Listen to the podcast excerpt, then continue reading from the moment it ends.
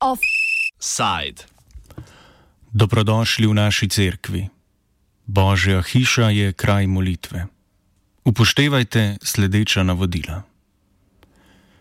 Nadenite si zaščitno masko, razkužite si roke, ob vstopu spoštljivo pokleknite in se prekrižajte, opustite pozdrav miru s tiskom rok, izklopite ali utišajte mobilni telefon, obhajilo prejmete samo na roko. Amen.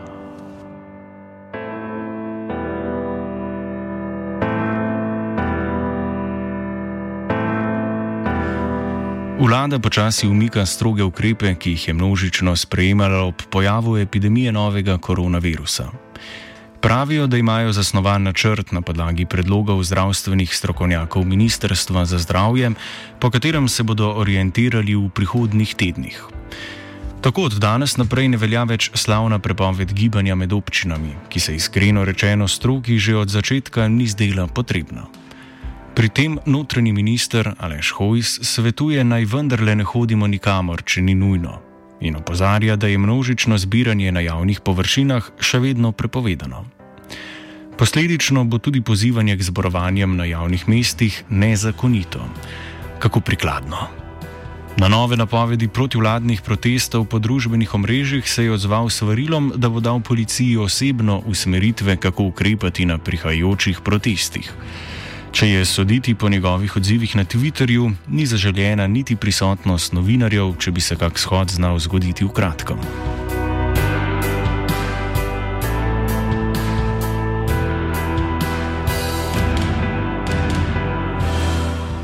Poleg tega, da vam je ponovno dovoljeno prestopiti mejo domače občine, lahko z današnjim dnem ponovno obiskujete domove za ostarele. Bo pa seveda potrebno strogo upoštevanje varnostnih ukrepov. Vodstva posameznih zavodov se bodo sama odločila, kdaj se bodo lahko obiski začeli, bo pa to najkasneje 11. maja. S tem datumom bi se lahko po besedah govorca vlade Jelka Kacina ponovno zagnal tudi javni potniški promet. Prav tako je že znano, da se bodo šole in vrtci najverjetneje postopoma začeli odpirati z 18. majem. Navodila za odpiranje teh bo vlada razkrila do četrtka, tako da bodo imele izobraževalne ustanove vsaj nekaj časa več za pripravo, kot naprimer določene kulturne ustanove, ki so dobile dovoljenje tako rekoč 5 pred 12. Tako da se jih je večina odločila, da začnejo obratovati šele z naslednjim ponedeljkom.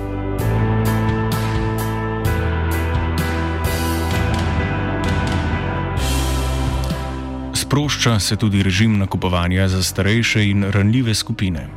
Te ponovem lahko nakupujejo tudi po 10 uri. Trgovine s prehrano ob nedeljah še vedno ostajajo zaprte, kar pa bo mogoče veljalo tudi nadalje po koncu nevarnosti, ki jo predstavlja koronavirus, saj je premijer Janez Janša javno odprl ta predlog levice.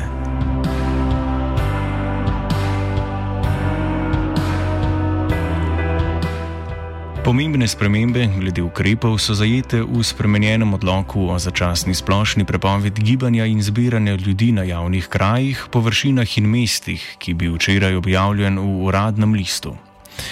Poganskih kresov letos ne bo. V tretjem členu pa najdemo določilo, da je med drugim dovoljeno dostopanje do verskih objektov. Slovenska škofovska konferenca je, lahko bi rekli z uvidom, že v ponedeljek napovedala odprtje crkva za udeležbo vernikov pri svetih mašah in drugih bogoslužjih.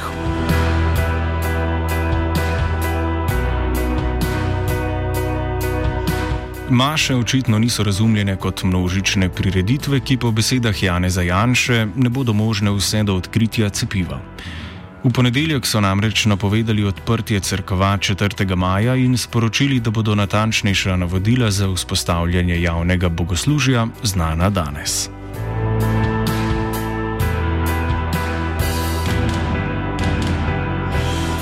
Jasnovidnost slovenskih škofov pojasni David Kranar, tiskovni predstavnik Slovenske škofovske konference, ki pravi, da komuniciranje škofovske konference in vlade težko komentira, oziroma da s temi podatki ne razpolaga. Škofje, recimo Škofje, seveda so predhodno zelo dobro spremljali situacijo, kako poteka uh, stanje in so na osnovi tega tudi že predhodno predvideli določene situacije, ki so recimo lahko uh, potrebne, preden se ponovno odprejo cerkve za javno bogoslužje. Zato je pač pomembno, da, torej, da, se škofje, so, da so se najprej škofje med seboj uskladili, potem pa seveda svoje predloge dali v uh, predsojo um, ustanovam, uh, ki, ki so za to pristojne v Republiki Sloveniji. Uh, tako da to, potek, to je potekalo torej že dlje časa in včeraj je bilo uh, tudi na, je vlada sprejela torej v uradnem, uh, uradno sprejela ta odlog, katerem pač potrjujem in lahko ga tudi vi vidite v uradnem listu številke 896. členu, da torej dovoljuje dostop tudi do verskih in drugih objektov. S tem seveda so povezani vsi ti členi, ki jih je danes katoliška crkva v Sloveniji izdala. V danes objavljenih navodilih župniki in drugi duhovniki lahko obhajajo svete maše z verniki pod določenimi pogoji. Udeležba je dovoljena samo osebam, ki nimajo simptomov okužbe dihal, ne kašljajo in nimajo povišene telesne temperature. Verniki sami morajo presoditi, ali so dovolj zdravi za obisk. Starejšim, kroničnim bolnikom in drugim zdravstveno ogroženim osebam priporočajo, da svete maše še naprej spremljajo po televiziji, radiju ali spletu, saj je to zaradi njihovega zdravstvenega stanja najvarneje. V cerkvi mora vsak vernik nositi svojo zaščitno masko oziroma temu primerno zaščito. Pri hodu v cerkev si mora vernik razkužiti roke z ustreznim razkuževalnim sredstvom, ki ga zagotovi župnik oziroma župnijski sodelavci. Verniki morajo v cerkvi in v klopeh ohranjati medsebojno varnostno razdaljo vsaj 1,5 metra, kar pomeni, da mora biti vsaj vsaka druga vrsta prazna.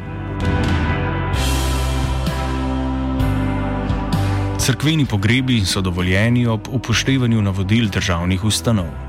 Pogredni obredi bodo potekali ob navzočnosti najožjih sorodnikov, o navodilih upravljanja zakramenta svete spovedi Kranar.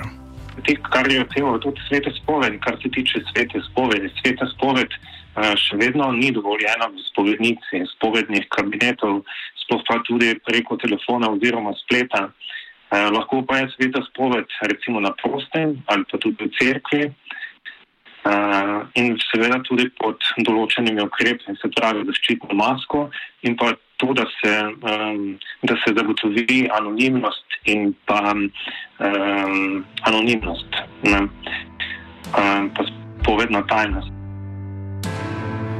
Ob navzočnosti najožjih sorodnikov oziroma ob navzočnosti največ 15 oseb se bosta podeljevala tudi zakrament svetega krsta in zakrament svetega zakona.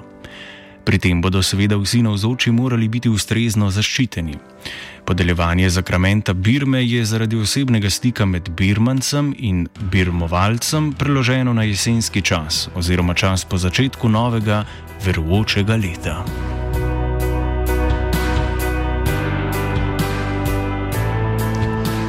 Tople odnose med vlado in crkvenimi organizacijami so potrdili tudi slednji z današnjim javnim pismom. Zbor za republiko, Komisija Pravičnost in Mir, Zavod Prebudimo Slovenijo ter Društvo Slovenski katoliški izobraženci so v skupni izjavi tako izrazili podporo vladi v prizadevanjih za zaizitev epidemije COVID-19, pri tem pa posvarili: citiramo. Grožnjo uličnih progresivcev s ponovnim izbruhom ljudske jeze, netenjem nezadovoljstva med prebivalstvom, podtikanjem lažnih novic, napihovanjem napak vlade ali njej podrejenih služb in drugih zlorab demokratičnega sistema. Konec citata.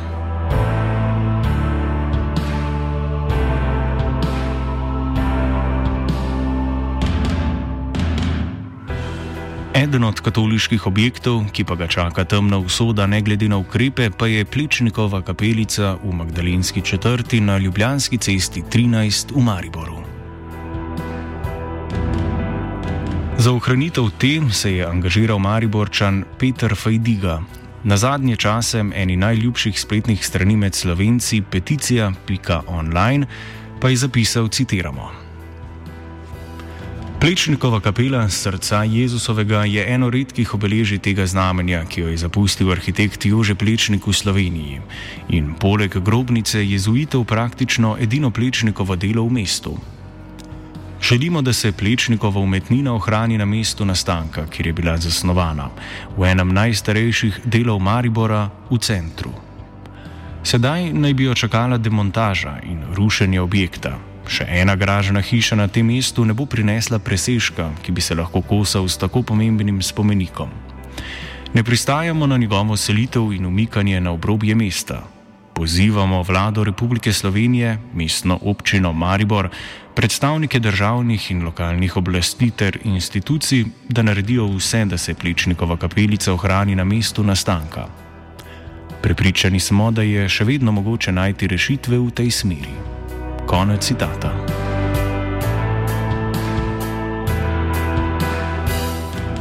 Kapelica več ni v crkveni lasti, saj so jo jezuiti prodali podjetju Best in Parking, ki se ukvarja s parkirišči.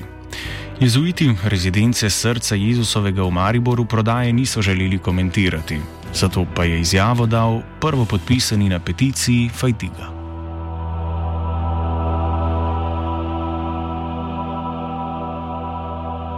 Peticijo smo, z peticiji smo, uh, v bistvu želimo, da se v bistvu gradnja vstavi, oziroma da se, da se objekt ohrani kot tak, ker zdaj, zdaj stoji, če ga bomo dali v depo in tako vprašanje, uh, kdaj in kje bo prezentirano.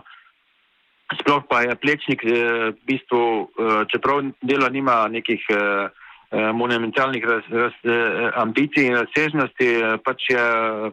Uh, uh, edino plečnikovo delo v Mariboru, tako rekoč, razen pač uh, grobnice na, na uh, Preškem pokopališču in uh, bi moralo biti, se pravi, za Maribor um, bistvenega pomena. No? Usoda plečnikovega interjerja še ni znana. Ne ve se še natančno, kam bodo notranjost kapelice prestavili. Občina Maribor nam je v pisnem odgovoru sporočila, da Citiramo. Si želi, da edino plečnikovo delo na območju Maribora ne bi pristalo v skladišču, temveč bi ostalo dostopno javnosti in se takoj po rušitvi objekta primerno prezentiralo na ustrezni nadomestni lokaciji. Občina si tako v okviru svojih pristojnosti in možnosti v sodelovanju z Zavodom za varstvo kulturne dediščine in lastniki objekta prizadeva za najugodnejšo rešitev.